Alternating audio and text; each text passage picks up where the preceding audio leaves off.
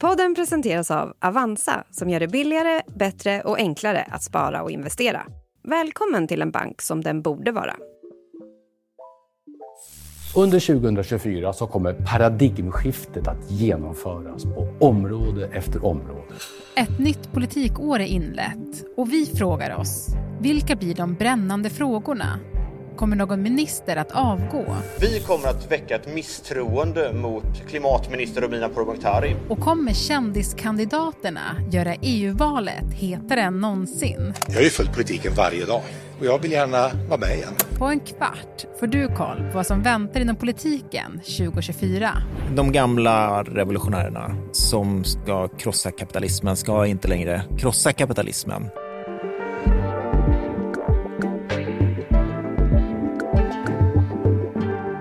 Är den 15 januari. Det här är dagens story från Svenska Dagbladet med mig, Alexandra Karlsson. Ja, men känner du dig redo? Ja, jag är jätteredo. Gäst idag, Erik Hedtjärn, politik och redaktionschef på SvD. Erik, nytt år. Ja, 2024. Vad kommer det bli för politikår egentligen? Det kommer bli ett jättespännande år, för det är mycket så upp till bevis. Det är ett val, det är mycket som ska liksom levereras från regeringen under det här året också. Mm. Du, jag tänkte att vi i det här avsnittet ska försöka rada upp lite av allt som händer. Och jag tänkte att vi ska börja i absolut närtid och den här veckans misstroendeomröstning mot miljö och klimatminister Romina Pourmokhtari. Kommer hon avsättas? Det korta svaret är nej, det kommer hon inte. För att man behöver ha en majoritet av riksdagen med på det här misstroendet. Och det ser det inte ut som att liksom, eh, Miljöpartiet och Centerpartiet som har väckt det här misstroendet, att de kommer få. Men det är liksom små marginaler, mm. så man kan inte vara helt säker. Nej, det hänger på några vildar, eller? Hoppet stod ju ett tag till Elsa Widding som är tidigare sverigedemokrat och politisk vilde. Hon har inte gillat eh, Romina Pourmokhtari och eh, man kunde tänka sig att hon skulle ställa upp på ett misstroende. Sen har hon under hösten liksom svängt och börjat gilla eh, Romina Pourmokhtari. Intressant. Så där, där försvann liksom ett sånt skäl. Men sen så kan det ju vara så att någon blir sjuk, någon är inte där, någon går på toaletten. Det har ju hänt att sånt har liksom avgjort eh, omröstningar i, i riksdagen. Så att en, två rösters majoritet kan liksom försvinna. Men sannolikt så kommer hon klara sig. Mm. Men du, kan inte du ge oss lite bakgrund kring det här? Alltså vad handlar det här om? Ja, bakgrunden är, är att var, klimatlagen säger att vart fjärde år så ska regeringen berätta hur man ska nå klimatmålen. Och de här fyra åren var liksom till ända nu vid det här årsskiftet. Eftersom regeringen har tagit bort några av de verktygen som man hade för att nå klimatmålet 2030, som var till exempel reduktionsplikten, så hade man liksom mycket som man behövde berätta om. Och då så sa Centerpartiet, om inte ni kan visa liksom en, en trolig väg framåt till årsskiftet, då kommer vi väcka misstroende. Och då så presenterade de sin klimathandlingsplan precis före jul och då så tyckte Miljöpartiet och Centerpartiet att det här var inte gott nog och därför väcker vi misstroende, ungefär. Men även om då Romina Pourmokhtari klarar sig nu, alltså kommer hon sitta hela mandatperioden? Eller kommer hon avgå eller kommer någon annan minister avgå? Alltså hon är ju en, om vi tar det första då, mm. Romina, hon är en fascinerande karaktär och person och minister och politiker. Och hon har ju liksom en förmåga att vara väldigt eh, radikal och tillspetsad i sin retorik och sitt uttryck. Det är väldigt typiskt Sverigedemokraterna att de är bra på att säga saker som är fel, men de har inga lösningar. Det här handlar om ren politik där Sverigedemokraterna alltid lyckas svika och bara säger det folk vill höra. Och samtidigt så är hon kanske den politiker som jag kan komma på nu som är bäst på att typ äga en kompromiss. Min ideologiska övertygelse och alla åsikter jag har, de är precis samma. Men sen har vi en verklighet att förhålla oss till och om jag får ett erbjudande att jobba med just klimat och miljöfrågor där jag vet att det finns goda förutsättningar att lyckas, då kommer jag såklart ta tag i den möjligheten. Hon kan ju få jättemycket kritik och verkar liksom bara kunna fortsätta. Så att om jag ska gissa så kommer hon inte avgå. Det har ju inte varit någon minister som har avgått. Vi är ju snart halvvägs då, vi kommer vara det i mandatperioden. Någon kommer ju sannolikt sluta när vi får en ny EU-kommissionär. För man brukar rekrytera dem från ministerkretsen. Det är ganska vanligt. Mm. Eh, men och det kommer inte... hända i år? Ja, mm. för det kommer liksom efter Europaparlamentsval och sådär. Sen så kan ju någon göra något fel, att man behö- måste avgå eller bli utbränd. Det har ju hänt. Mm. kan man förstå, de jobbar ju hela tiden. Mm. Men, men det här att det inte är någon som har avgått än då, eh, med halva mandatperioden ish, Det är ovanligt. Alltså jag har inte statistiken i huvudet, men ja, jag skulle säga att det är ovanligt. Jag menar, Reinfeldts första regering, då avgick ju liksom två ministrar första veckorna. Mm. Så ja, men det har gått bra. Mm. Han har ju förlorat en statssekreterare, det, det sved ju med PM Nilsson, men ministrarna verkar sitta kvar. Mm. Jag tänkte att vi skulle gå in nu på din favorithappening det här året.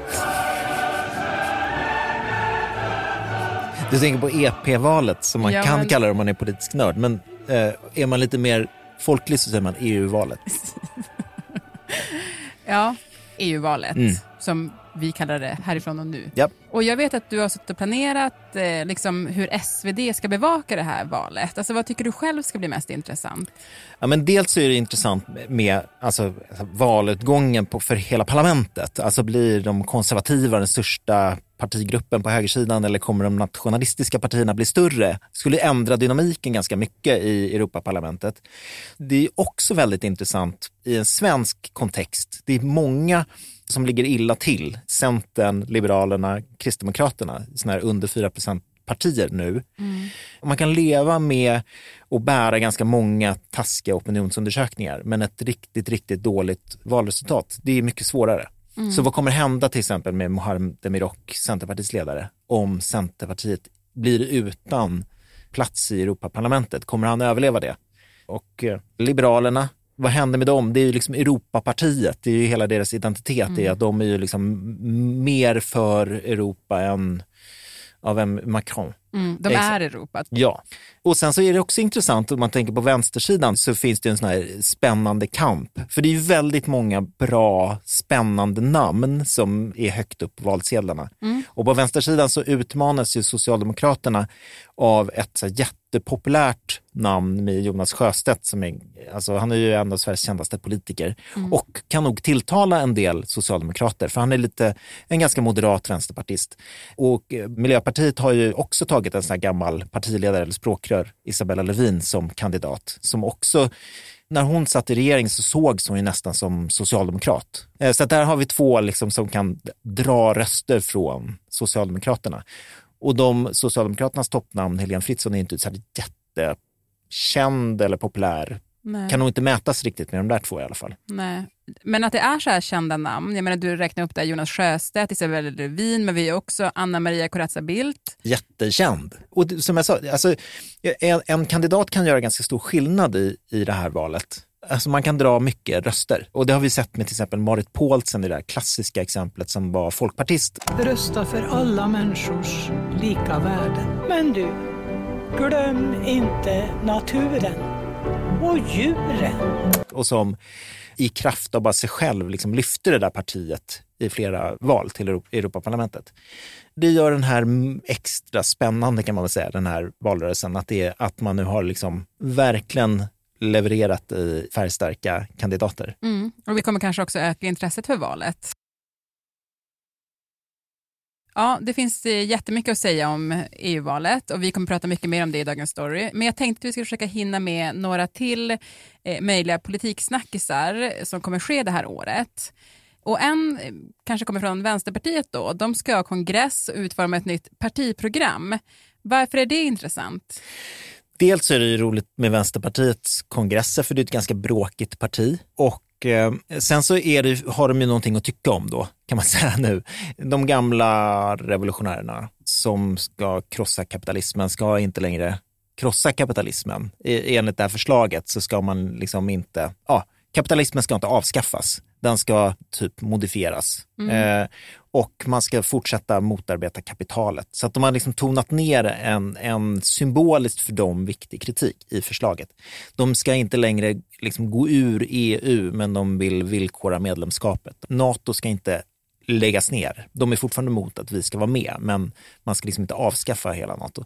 Så att på en del sådana här symboliskt viktiga frågor så har de tonat ner sin samhällskritik kan man väl säga. Där tog jag i för häftigt. Inte störta, bara knuffa en liten bit. Vissa saker är kvar, som till exempel att man vill ha kvar något sorts gemensamt inflytande för den finansiella sektorn. Det brukar man ju tänka som så här stat, förstatliga banker är en sån favoritfråga.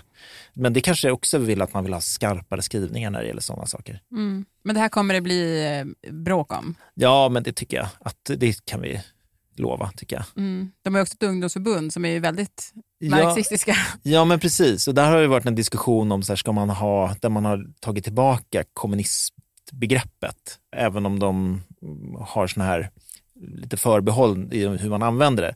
Men då kan man ju säga att eh, då i det här förslaget till nytt partiprogram så har ju moderpartiet då tagit steg åt en mer reformistisk riktning och blir mer, alltså som socialdemokrater var förr kanske. Ja, det blir spännande. När är den här eh, Den är i början av maj, jag tror att det är andra veckan i maj. spännande? Du, en annan sak eh, som kom upp när vi pratade inför det här programmet, det är ju regeringens alla utredningar som de har tillsatt sedan de eh, kom till makten. Blir någon av dem klar i år? Precis, den här bombmattan av pressträffar när man har tillsatt utredning efter utredning efter utredning. Det var ju liksom en lång katalog med saker man skulle göra i tidavtalet och sen så kom liksom leveransen steg ett, tillsatta utredningar. Och nu i år så kommer ju flera av de här stora, viktiga, symboliska utredningarna kommer komma. Och det blir ju steget innan man får lagförslag. Men det måste ju börja liksom ticka in nu för att man ska hinna med och stifta alla de här lagarna under den här mandatperioden. Och några sådana som sticker ut är till exempel ja, men som anonyma vittnen. Det är en, liksom, har man hållit på och pratat om jättelänge. Eh, den kommer under sommaren tror jag. Det som motståndarna kallar angiverilagen, alltså att man ska berätta om man har kontakt med någon person som inte har rätt att vara i landet. Mm, Eh, den ska komma, precis, den ska komma då i eh, slutet av september. Och eh, ja, men det är två exempel på så symboliskt viktiga saker som kommer komma. Och där det också kan bli slitningar i bland Tidöpartierna ju. Framförallt när det gäller det här med informationsplikten. Så, så man kan säga då att, att när de här utredningarna är klara och kommer presenteras i år, då kommer det också bli riktig politik, eller i alla fall eh, fight om det ska bli riktig politik eller inte. Precis, då kommer ju sen ganska snart nedström så kommer lagförslagen sen också. Spännande. Mm, det blir spännande. Mm. Du, det finns så himla mycket att prata om, men eh, tiden är kort, Erik. Störst av allt, Vad är det? det är ju NATO. Just det, det måste vi också hinna med. no. För det har ju liksom Kristersson, Ulf Kristersson sagt att det här är det enskilt viktigaste som händer. Och det finns en stor förhoppning i Moderaterna om att eh, med ett NATO-medlemskap så kommer det vända. Då kommer hans förtroendesiffror öka och eh, deras parti kommer växa. Och nu så, det finns ju en sån här kontrollstation. Det är ett nytt NATO-toppmöte, du har hört den förut, vi kommer vara med till de är det. Men det är i, i Washington i sommar, i juli, så kommer det vara ett NATO-toppmöte och då är det nog många, många som hoppas att tills dess så ska det ske. Men sen så finns ju liksom den, det lilla abret då, att om vi då till slut kommer in och sen så är det ju val i USA i november och så blir Trump Mm. president och så går han ur NATO och så står vi där. Ja, det, Och så kommer kriget. det kan bli ett tufft år för Ulf Kristerssons regering. Eh, det kan bli det. Mm. Du, jag tänkte att vi skulle avsluta med ett litet ja-nej-quiz innan vi slutar. Och det är om saker som kan tänkas hända det här året. Mm. Och det är som sagt ja eller nej. Känner du dig redo? Ja, jag är jätteredo. Kommer regeringen fortsätta säga ordet paradigmskifte vid varje pressträff? Eh, ja. Kommer Vänsterpartiets tidigare partiledare Jonas Sjöstedt i sin valkampanj till EU-parlamentet göra en grej av att han inte kommer ta flyget till Bryssel? Eh, ja. Kommer Liberalernas partiledare Johan Persson komma ihåg sina egna politiska förslag 2024? Nej. Magdalena Andersson, plastpåseskatten kommer jag inte ihåg om det var ni eller vi som var för. Men nu ska den bort. Kommer utrikesminister Tobias Billström till slut erkänna att han faktiskt glömde passet när han skulle till det historiska utrikesministermötet i Kiev? Nej. Vi hade ett litet problem med resehandlingarna och därför så var det inte möjligt för mig att resa in. För jag tror han tog med sig någon annans pass. Det är min teori. Att han hade med sig sitt barns pass eller någonting. Hmm. För det är, det är någonting med det här. Det är en resehandling men... Ja, precis. Och så har han skaffat rutiner som ska säkra upp att inte... Och då ska han kanske titta i passet. Det är rutinen. Ah, okej. Inte ja eller nej, men en teori Mm. man ville höra. Mm. Okej, sista. Kommer Erik Hedtjärn fortfarande ha Dagens Story som sin favoritpodd 2024? Eh, självklart.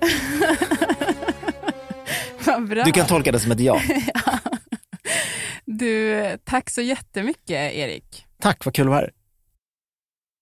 Dagens program producerades av Daniel Sävström, redaktör var Stina Fischer och om du vill komma i kontakt med oss så mejla då till dagensstory.svd.se.